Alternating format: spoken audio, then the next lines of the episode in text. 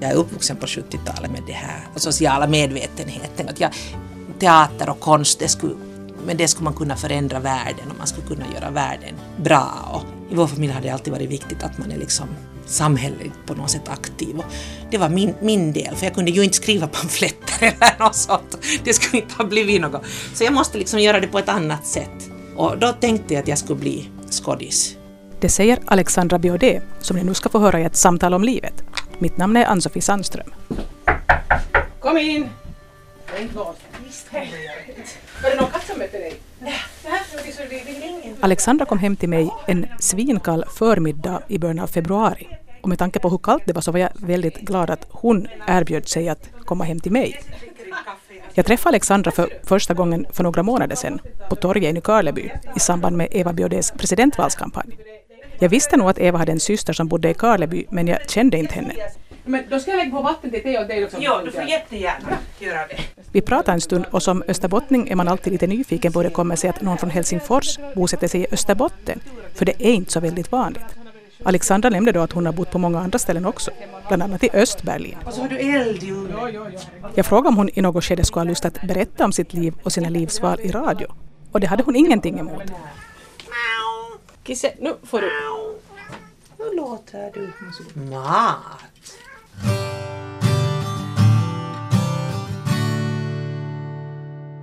Du kan ju börja med att berätta vem du är. Jag är Alexandra Biaudet. Jag är 47 år gammal. När jag är bara 47 år så är det. Jag är trebarnsmamma och som bäst jobbar jag som psykiatrisk sjuksköterska och ger terapiliknande samtal. Jag håller på att studera till terapeut, kognitiv beteendeterapeut. Jag är kvinna och aktiv, rolig. Jag vet inte riktigt. Jag är jag. Är jag. Och du bor i... Jag bor i Karleby. Jag jobbar i Jakobstad. Jag har flyttat till Kokkola för nästan nio år sedan. Före det så har jag bott lite var som helst. Största delen av, av åren mellan 20 och 30 så bodde jag utomlands. Fast jag vet inte om man kan kalla Stockholm för utomlands. Men i, men i, men i alla, fall, alla fall så bodde jag i början riktigt när jag var runt om 22 någonting. Så flyttade jag till Östberlin. Och så bodde jag där i ett par år tills jag blev utkastad. och, sen, och sen så flyttade jag till Stockholm och efter det så får jag och bodde ännu i Paris. Sen blev det också så att sen träffade jag min man och det känns som det skulle vara liksom en ny era i ens liv. Men sen var jag redan 30 och sen blev jag mamma och sen efter det så hade det liksom varit nästan det som bestämmer ens identitet faktiskt.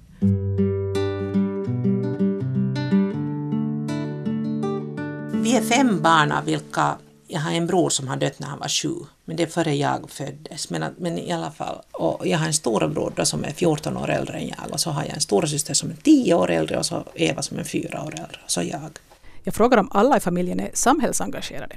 Det är väl så att min mamma och pappa har varit det, och speciellt mamma. Min mamma har skrivit om så här feministiska saker till Suomen Kuvalehti någon gång. Jag, jag, kan inte säga årtal, men i alla fall så, så vi har nog, vi har alltid diskuterat hemskt mycket. Men eh, jag har delat rum med Eva då, som är då min stora syster och, och jag menar, redan när jag gick i skolan så gjorde hon det ganska klart att man är helt bortblåst om man inte kan nämna alla ministrar som sitter i regeringen, som på kvällen så förhörde hon mig och jag skulle kunna dem. Jag kommer ihåg sen någon gång i högstadiet så sa människor att det är alltid det, att du säger alltid att Eva säger, men hon, hon har varit min stora idol. Och det var faktiskt ganska sent det var faktiskt ganska sent, jag var helt vuxen när jag mitt i allt insåg att vi hade olika tankar om saker. Det var nu inte så hemskt stora saker, men jag blev helt chockad. Jag kommer ihåg att jag tänkte att hur ska jag nu klara av det här? Hur ska jag framföra det här nu åt henne att jag inte har samma åsikt? Men att i långt är vi ju väldigt lika. Jag är kanske lite mer radikal sen. Och det har såklart med det att jag behöver inte kanske alltid ha burit konsekvenserna av vad jag påstår, vilket hon har måste göra. Jag var nio.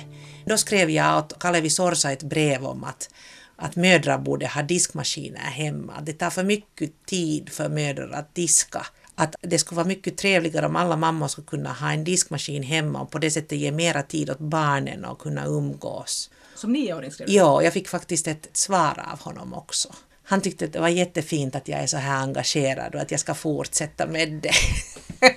Men sen så var jag så nyfiken för brevet var skrivet med maskin och så var det med liksom bläckunderskrift. Och så var jag jättenyfiken att har han nu skrivit det här på riktigt så jag måste slicka mitt finger och titta att är det riktigt bläck och det var det. Så nu för tiden är det lite sottigt det där signeringen. Vad hade då Alexandra som liten tänkt att hon skulle bli när hon blev stor? No, det är så här att, att sen jag var riktigt liten så först skulle jag bli barnläkare. Och sen insåg jag att eh, på grund av att jag har, jag har inte inlärningssvårigheter men jag, jag är så som man säger gammalmodigt ordblind. Så jag har haft jättesvårt med att stava.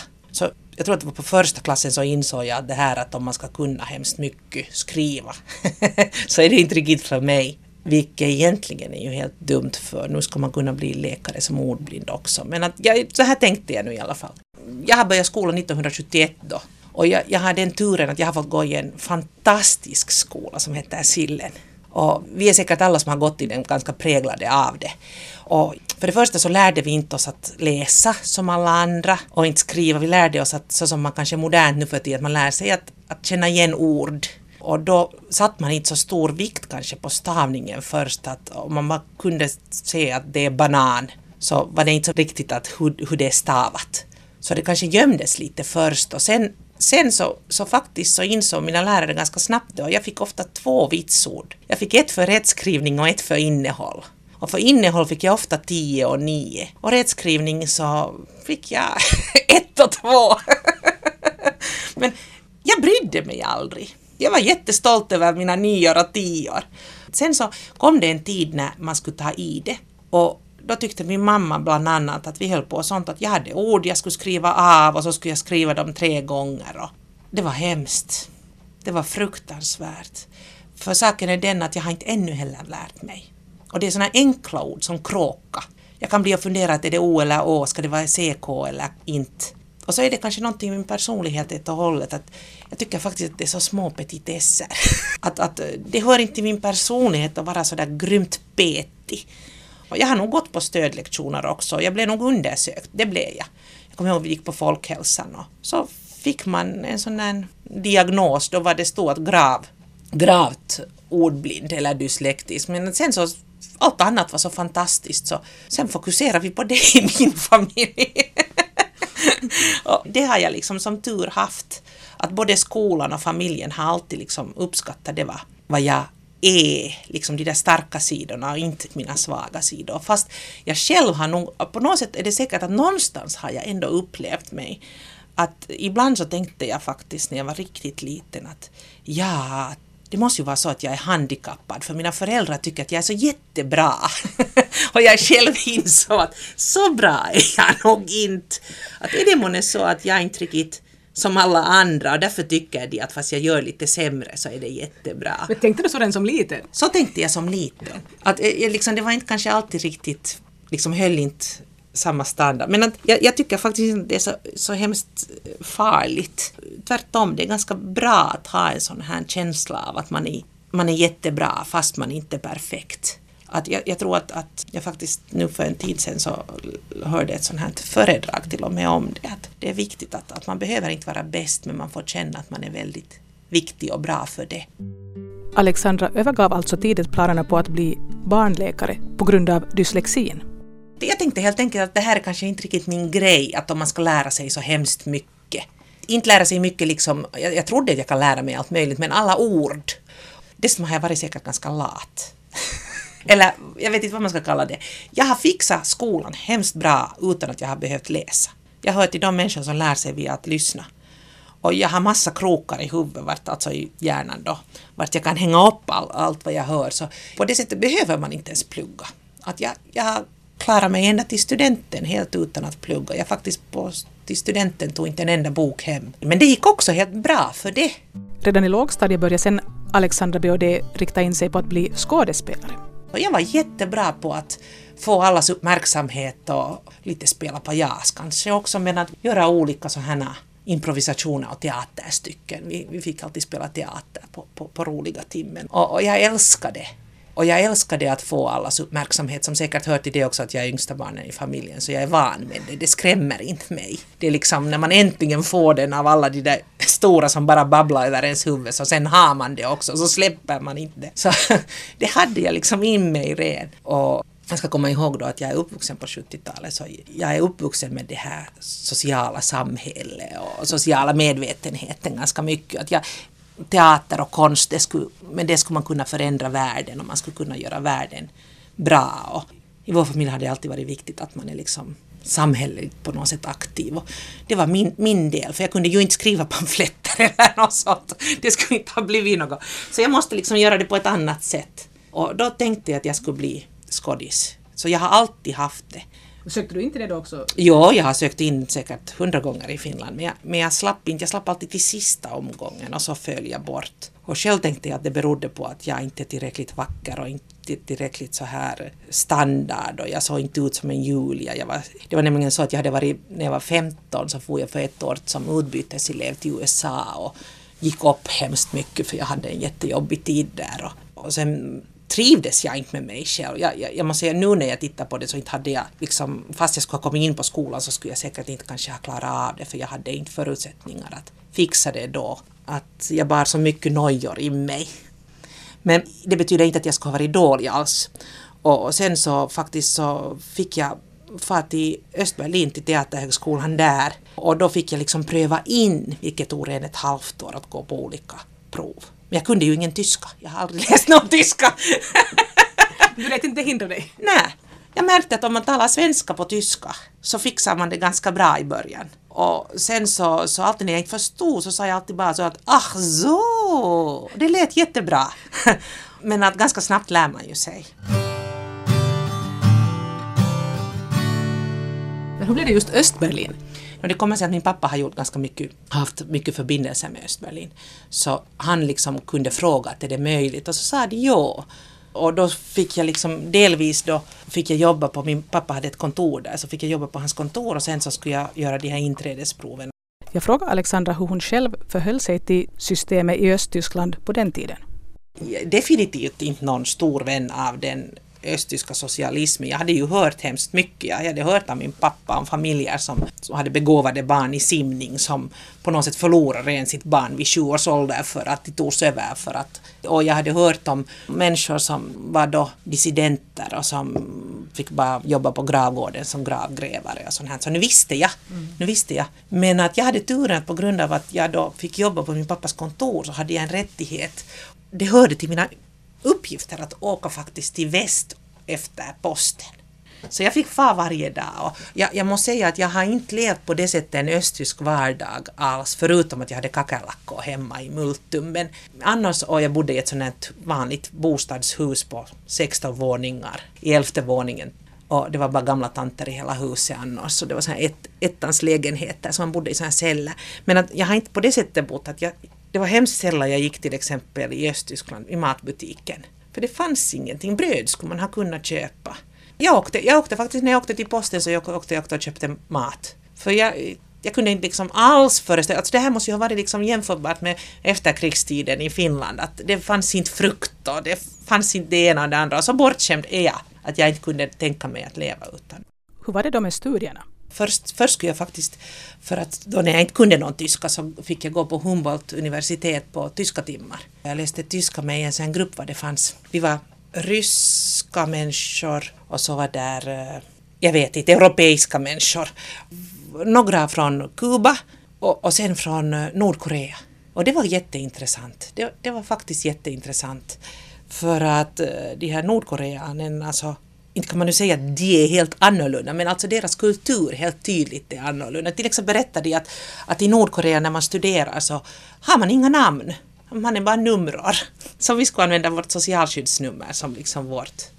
Och lika så att den som börjar sällskapa så blir borttagen sin rättighet till studier. Att man får inte sätta tid på sådant oväsentligt när man studerar för det kostar för samhället. Utan man, man ska då, så alla kärleksförbindelser var helt förbjudna att det fanns liksom, då, då kastade man bort tiden. Så tyckte de också att jag var så ljuvligt lång och så kommer jag ihåg en gång vi, vi åkte hiss vår eh, klassrum var någonstans i takåsen vid Humboldt universitet, någonstans i någon vindskrymsle. Så kom det sig att det var en morgon som jag kom och det var jag och åtta koreaner i en hiss. Och de här nordkoreanerna så annars också så, så är väl inte, anses ju inte asiater vara så jättelånga men att de var alla herrar som stannade någonstans vid min bröst. och så sa de så här att Åh, oh, Fräulein Biodi, Sie sind så groß! Och tittade beundrande på mig. jag kommer ihåg, jag tänkte att jag vill dö. För grås i mina öron så, så låter det ju inte alls som jag skulle vara så hemskt lång, utan bara stor. Och så stod jag alla åtta turen. Åh, oh, Fräulein Biodi, is inte så grås. Men att hemskt mycket mer än det så talar vi inte med varandra för att helt enkelt man existerar inte när vi studerar för man kunde ju inte. Hur var det med vänner och kompisar då? I ett samhälle var ingen bara gör sig bekant med en. Och så mitt i allt när någon kommer och söker sig till en. Så nu, inte är man nu så dum i huvudet att man bara blir glad och klappar i händerna utan man blir att tänka nog att varför? Och att, att till vilken nytta? Och vad har han för nytta? Och direkt när man märker att någon har personlig nytta av att vara min kompis så kanske man inte har lust att vara med den. Man vill vara med någon som är, vill vara med mig för att den vill, för att jag är jag, inte för, för, att, för att med mig får man en resa extra till Bulgarien eller något sånt. Och det var inte heller någon hemlighet att alla spionerar på alla. Och det var ju det att när alla spionerar på varann, alltså stort sett alla, för att om man inte var med på att spionera på någon så blev man ju dissident. Och sen om man inte hade något intressant att komma med, som jag skulle nu spionera på dig och så skulle jag berätta att du gick till mjölkbutiken och du köpte apelsiner och nu dricker vi te och... Så vad är nu det? Då är, då är jag ju spionerat dåligt när jag inte har kommit på något spännande. Så en stor del av, av det här vad man har spionerat så är kryddat. Ju mera jag hade med, så, så desto mer vann jag på det. Så att om jag kan säga att jo, jag var där hemma, jag tror jag såg en sån där bok och den såg nog lite spännande ut, så blev det ju direkt liksom mera värt det vad jag sa. Och det betyder att jag fick mera förmåner. Jag hade en kille till exempel som då gick på min tyska kurs som sa så här att Alexandra, skulle du kunna föra ut det här brevet? Att kan du inte föra det till väst, att det tar så länge att, att gå via posten här. Så sa jag att varför, varför är det så viktigt? Och han faktiskt, han var sen så ärlig med mig och sa att förstår du att om du för det här till väst, det här brevet, så får jag en dag i Västberlin. Men jag kunde ju inte göra det för att det skulle ha faktiskt, då var och en tänker på sig själv. För jag ville, jag ville ha den min teaterskola ut, men det var det som var det viktiga. Men att, eh, nu visste jag också att jag avlyssnade. Så emellanåt faktiskt så, när jag inte hade något annat att göra och det var tråkigt så kunde jag gå och börja tala hemma med olika röster och öppna dörren och låtsas att jag har jättemycket bekanta. Jag tänkte att nu får de fundera på någonting. på grund av att man var ganska ensam faktiskt så jag kunde sitta och prata för mig själv. Alexandra Biaudet vistades alltså i Östberlin i slutet av 80-talet. Det som, som hände då på våren, att, eller efter julen, att mera och mera så började så här unga män mest åka över till Ungern, för att det var dit man kunde få lätt visum. Unga män oberoende om de har familj eller inte. Och så via det så hoppade de över till Österrike. Och jag skulle ju säga att de här, de här killarna, så när de for med bilen och stack så, att, att orsaken var så här att jag vill ha en stereo, jag vill ha en TV, och det fick sen kosta hela familjen och det var det jag blev jätteupprörd på. Jag, jag kommer ihåg. Jag, jag tyckte att det var det mest hemska. Så i något skede så inte säger jag nog att jag har någonting att göra med att muren föll, men, men, men ibland så talar man sån här sen att fattar ni inte att, att det är så många som är emot det här, att, om, att, att nu kan de ju sätta, om ni är bara hundra så de kan de sätta i, i fängelse, men att väst vet om det här och att det är så här och att, att 2000 kan man sätta i fängelse, men om alla håller på med sån här så det, det finns inte fängelserum, fattar ni? Det finns inte, man kan inte sätta människor i fängelse i oändligheter. Och, och jag kommer ihåg så när jag sa det här så höll människor på så får inte säga, du får inte säga, kan du inte... Shh, shh, shh. Försökte tysta ner mig men jag var så upprörd och så det gick inte. Och så gick det kanske en vecka högst. Som de hade då anmält åt min pappa. Att inom veckan är slut så ska jag vara borta från Östtyskland. Så de faktiskt på riktigt slängde ut det för att du började liksom säga ja, att du tyckte alltså jag det där? anmäldes som persona non grata. Min pappa har varit nu senare och tittat på, på sina Stasi-papper och jag är nämnd åtminstone i hans papper. Jag har nog säkert en egen hög också men att i hans papper stod det att jag är totalt oanpassbar till systemet. jag, jag tror faktiskt att det är lite allmängiltigt att jag är lite oanpassbar.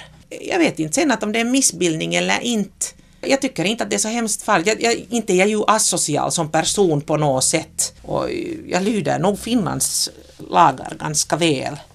Men att eh, de krav som var där för att bli en god medborgare så kunde jag inte i alla fall fylla. Antagligen tänker jag för mycket själv. och jag, jag hade liksom väldigt starka jag har väldigt starka rötter på det sättet till att individuellt tänkande och att man ska få yttra sig och yttrandefrihet och sånt här. Att det, det kan man inte kväsa från en person antagligen om den har det redan från liten.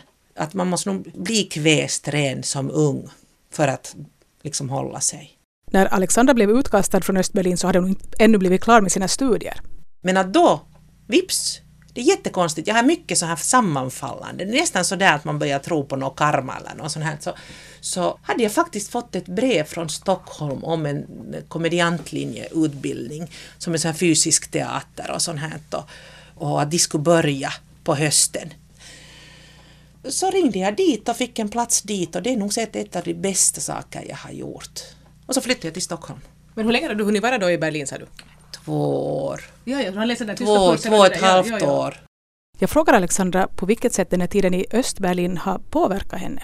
Nå, jag ska säga så här att det vad det har gjort allra mest är, som jag i mitt yrke märker är att, att man ska inte alltid tro att när människor talar om sina erfarenheter och vad de har varit med om, att när det blir på något sätt surrealistiskt, att nu, nu är hon helt galen.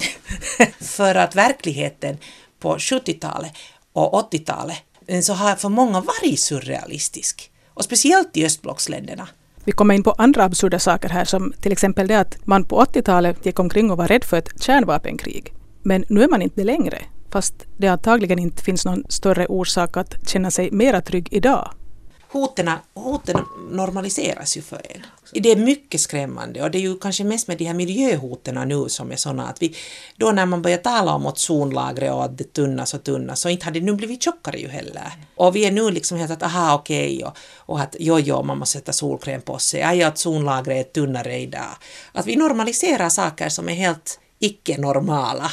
Och det är säkert vårt sätt att hantera det och det, det är ju det, det, det som händer i människors liv annars också för att annars skulle vi inte stå ut med det. Till exempel, jag, inte skulle man ju stå ut någonsin med moderskap om, om man ska gå omkring och veta vad allt egentligen kan hända ens barn. Jag menar, de kan storkna på ett risgryn lika bra som de, de kan annars också falla i trappan och de kan det ena och det andra. Och man måste hela tiden gå omkring med den där rädslan och oron för det. Det är ju en orsak varför många människor tror på ha, ha religion liksom i livet för att, för att liksom ha den här tryggheten att som, som ska kompensera det, vad de inte kan själva kontrollera. Och det är ju nog jätteviktigt, det är oberoende om man har religiöst tänkande eller är religiös eller inte, så är det jätteviktigt nog för människor att ha en sån känsla av att livet bär. Att det är, det är inte normalt ändå. Att, att det normala är att när de går på gatan så blir de inte överkörda. Och det normala är att när jag äter så storknar jag inte.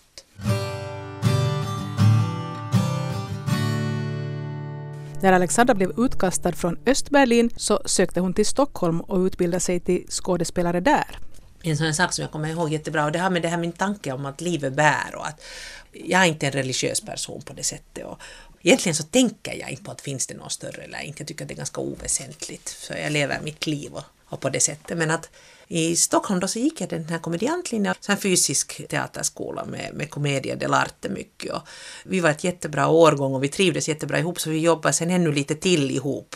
Sen så satt jag och funderade på att vad ska jag nu göra då? Att nu borde jag göra något teaterjobb och sånt här. Men så kom det att där var ju, vad heter det, heter det nu Finska kulturcentrum eller vad det finns ett finskt bibliotek och sånt här. Och så tänkte jag att nå, om inte något annat så kan jag ju söka jobb där. Så gick jag dit och de sa att ja, de har ett sånt här projekt på gång att om du skulle vilja delta i det, men att kom så träffas vi. Och så gick jag dit och så var jag lite i förtid. Och så gick jag och satt mig där och mitt i allt så såg jag en bild av min syster på någon pamflett i någon hylla. Och så tänkte jag, "Nu, jag ska nu gå och titta på det där, vad är det där nu? Och så lyfte jag på den pamfletten och där under fanns en jätteintressant tidning eller någon sån här som, som var Riksteaterns tidning. Och jag bläddrade i den och så stod det att de söker till finska riks, det fanns då en finsk riksteater, lika som det finns för döva hade de också en teatergrupp, så hade de på finska faktiskt en teatergrupp. Och de söker till kommande projekt skådespelare.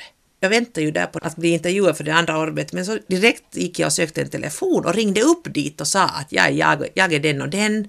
Och så sa de att jo, att skicka in dina papper och, och vad du har gjort. Och sen så, så hade jag den här intervjun där på Suomitalo heter det väl egentligen, Finlandshuset. Och så fick jag det där projektjobbet visserligen. det var inte sådär jättekrävande. Det var mer att man skulle hitta på och att hitta på är jag jättebra på. Så det är liksom min styrka riktigt att kunna hitta på. Men, men vad heter det, sen blev jag intervjuad och så fick jag jobb på Finska Riks och jobba där som skådis. Och det var ju underbart för jag fick göra det vad jag har blivit utbildad till. Men att det var inte alls det som var poängen utan det att på något sätt att när man här också så hade jag länge tänkt på att vad ska jag göra, hur ska det vara, ska jag våga, ska jag inte? Och så när jag tog till mig att okej, okay, nu går jag dit och frågar och träffar så var det något annat som sen, och det bara liksom bara vidare mot det vad jag hade alltid önskat mig. Att, att man får sen tycka att det är mystiskt eller inte, men det här är sånt som jag tror. Jag, jag, jag är övertygad att när man gör något som är liksom positivt och på riktigt konstruktivt för en, så hämtar det med sig massa bra annat. Om man nu sen vill kalla det karma eller händelser eller vad, man får sen kalla vad man vill, jag tycker inte att det är viktigt. Men att det, det är någonting som är jätteroligt, att, att det, man vet att när man gör goda saker så för det med sig andra goda saker. Och jag tror faktiskt att det är inte bara för mig det är så, utan jag tror att det är för alla människor, att man liksom kommer igång och hittar en, en riktning för sig åt något håll, det behöver inte vara stora grejer. Så sen dimper det i famnen sen några andra bra saker. Och jag, jag, vet inte sen, ibland i mina svaga stunder så tänker jag alltid att det, det är min bror som inte finns mer, att han är min skyddsängel. Men egentligen så tror jag inte på sånt heller. Men att jag tycker nu inte att det är så relevant att vad det är. Men det viktiga är att man måste göra någonting själv också. Att man måste liksom söka sig till det. Men att sen när man har hittat det så sen kan det komma mycket bra saker på en gång. Och det är liksom en, det är en härlig grej i livet. Men du var då alltså kvar där i Sverige och jobbade med det ja, här? Ja, så jobbade jag på Riksteatern i, vad skulle det ha varit, två år? Något sånt. Det var före Paris. För sen så bestämde jag mig att jag vill ännu specialisera mig på det här. Nämligen när jag var i Stockholm så talade alla om den här gurun som heter Jacques Lecoq. Och så tänkte jag att jag ska ta mig fan också komma in på hans skola och jobba där. Det, det, han är guru inom teatern. Så då får du dit? Klart det, om man har möjlighet att träffa gurun så far man ju. Alexandra stannade i Paris ett drygt år, men det blev en ganska jobbig tid och sen började hon längta hem. Då fick jag sån här känsla, då fick jag att finska språket var så vackert. Och ändå, jag är ju tvåspråkig, men jag fick liksom ledsamt till finska. Och sen fick jag ledsamt till det här att ha samma referensramar och att, och att jag ska inte behöva vakta på gatan, jag ska veta vad som är ett tryggt avstånd för en människa som går bakom mig eh, utan att jag behöver titta och sådana här saker, sådana kulturellt bundna. Och då, då kom jag tillbaka till Finland.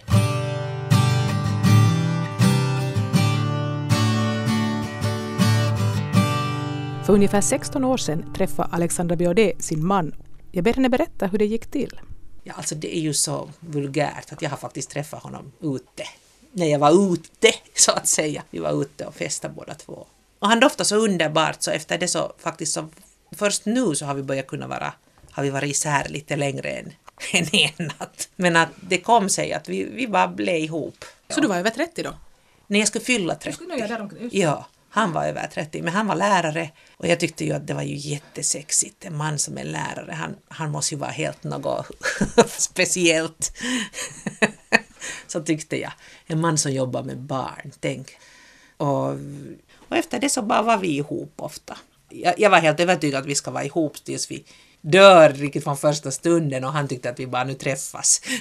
Men alltså var det så att det var första gången du blev på det sättet så superkär att du tyckte att hej, det här är mannen i mitt liv? Nej, Alltså i och för sig så när jag såg honom så jag kan svära på att det sa ding ding dong i mitt huvud på något sätt. Jag hörde några klockor och då tänkte jag att det där är min man. Men jag kan inte svära på att det inte skulle ha hänt tidigare. Jag bara kommer inte ihåg.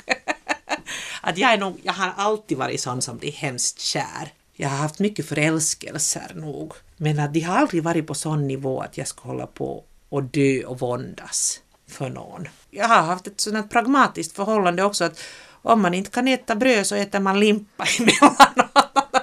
och jag har aldrig tänkt att jag skulle träffa någon sådär och gifta mig och få barn eller något sånt. Det har inte, det har inte liksom varit min, mitt mål. Och jag kommer ihåg faktiskt att när jag kom hem från, flyttade till Finland tillbaka från att ha bott utomlands så hade jag faktiskt väninnor som, som bad mig på, på lunch och så satt vi där och så skulle vi diskutera problemet att när jag aldrig har gift mig. Att, tycker du inte att det nu borde vara på tiden? Och de föreslog att jag skulle få till NJK på seglarkurs. att därifrån hittar man lämpliga män. Jag, jag hör inte till de som seglar nämligen. Men alltså i Helsingfors så det är det bästa segelsällskapet, anser alltså bland finlandssvenskar då, det mest klassiga och så här. Och de har då vuxenkurser också för sådana amöbor som mig som inte har varit på sjön förut. Men jag förstod inte. Jag tyckte till och med att någon resonerade så att, att det skulle varit bättre om jag skulle ha varit gift och skild än att, att vara singel. Men jag kommer ihåg, jag var, inte var jag nu förolämpad, men jag tyckte att det var ganska konstigt. Att jag satt och tänkte att det var allt jag har gjort istället för att vara nu präglad till en man. Men att eh, faktiskt, så det vill säga 1990 någonting, så fortfarande förhöll man sig, och det kan ju finnas, det finns fortfarande de som förhåller sig, att, att en sån här singel ung kvinna, så jag var inte riktigt rumsren när jag var. Lite kanske sånt också att, att ska du nu inte sluta med det där teater, att är det nu riktigt för dig? Och när det gällde yrkesvalet så hade Alexandra själv också lite börjat tvivla. Först blev jag väldigt frustrerad med de jobbmöjligheter jag hade och kanske också ifrågasatt väldigt mycket att kan jag och ska jag och är det här nu det vad jag ska bli? Jag märkte att jag inte kanske hade fått till stånd den där stora världsförändringen med konst. Fick jag sitta och fundera, att vad vill jag nu? Och sen kom Alexandra på att hon skulle bli barnmorska. Det var nämligen så att just när jag kom till Finland så fick jag fara till Colombien för en tid. När min syster adopterade sin son så fick jag faktiskt vara med, vilket var en fantastisk resa. Colombia är ett underbart land när man inte tänker på politiskt sett. Utan det var ett land som jag tänkte att här, här har jag nog, nog någon gång levt. Hur länge, hur länge var du där då? Vi var över en månad i Medellin. Det var bara helt underbart. Jag trivdes jättebra där. Alltså för klimatets skull. Det var, det var just som gjort för mig. Och, och, då just så kom det nu sen fram att, att till exempel där så skulle de behöva barnmorskor. Och då, då hade min kära syster tre barn och jag hade ingen och världen skrek av nöd.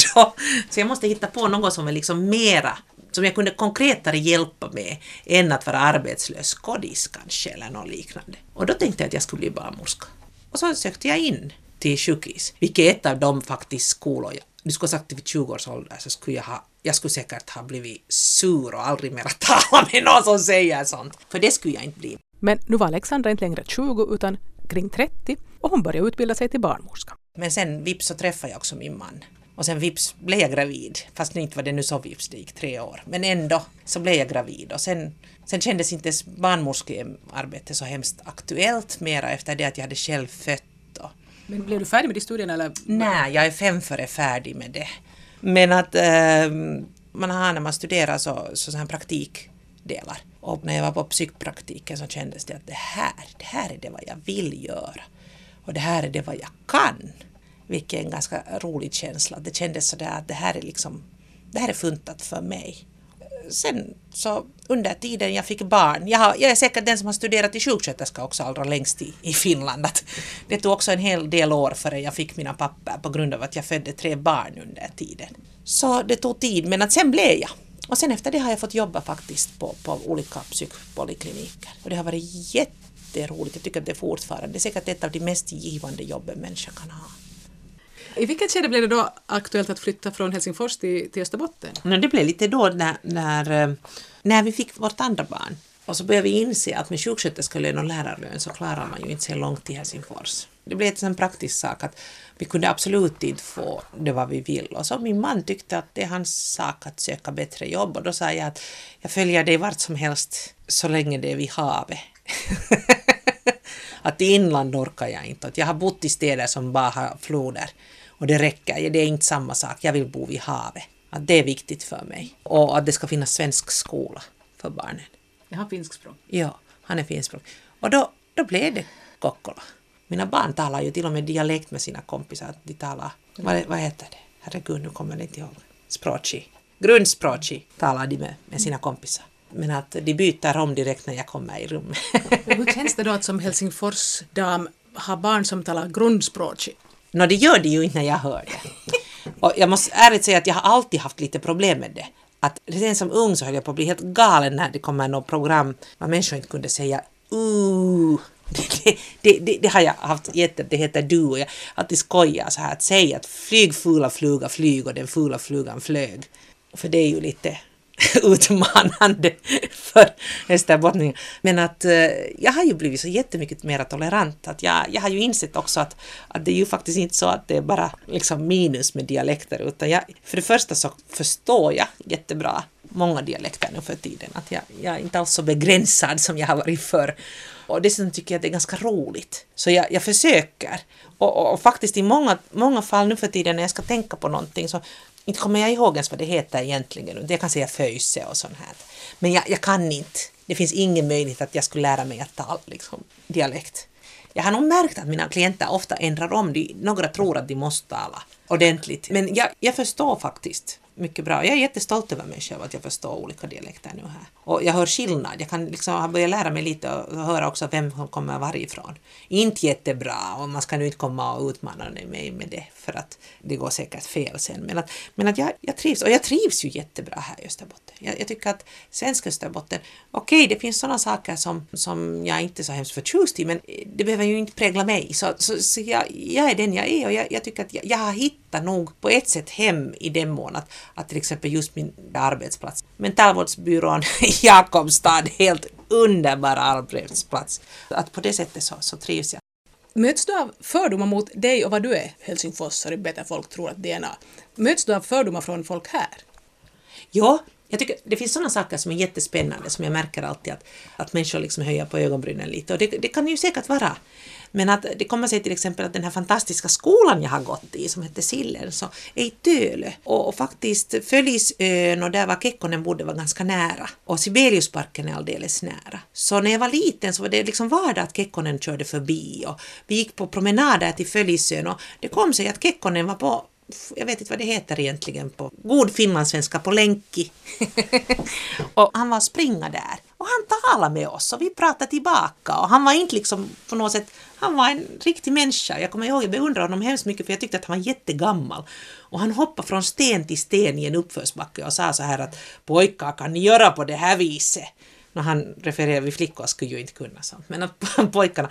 Men han faktiskt hoppade från stenar som var långt ifrån varandra. Och vi tyckte att han var jättevigulant. Och, och till exempel att jag har skakat hand med drottning Elisabeth när jag var liten. När de var på, så här, att, att på grund av att jag har bott i huvudstaden så har jag träffat sådana personer och, och, andra också. Som, som till exempel i min skola fanns det mycket människor som hade föräldrar som var ganska kända och då har jag liksom haft möjligheten att säga att jo, jo, jag vet att hennes pappa, jo, jo, dens dotter. Men så här att, att förstår ni, på samma sätt som cirklarna är små här så, så är de där också. Och det är liksom inget underligt. Det är bara det att, att, att de människorna kanske har varit i en mera framstående position sen och det har liksom men jag har ju en ganska stor avsaknad av eh, respekt för auktoritet. Kanske det var det där ni menade när jag var så oanpassad i Tyskland.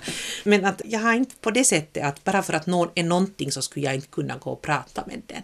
Och det är ju någonting som man har här. Man har stor respekt för auktoriteter och på positioner. Och det märker man nu också. Jag, jag tror nästan att det var så att min kära syster var här och hälsade på som minister i början när vi hade flyttat hit. Och så stod jag där och skulle gå fram till henne, så kom det en massa människor däremellan att nej, nej, du ska inte gå.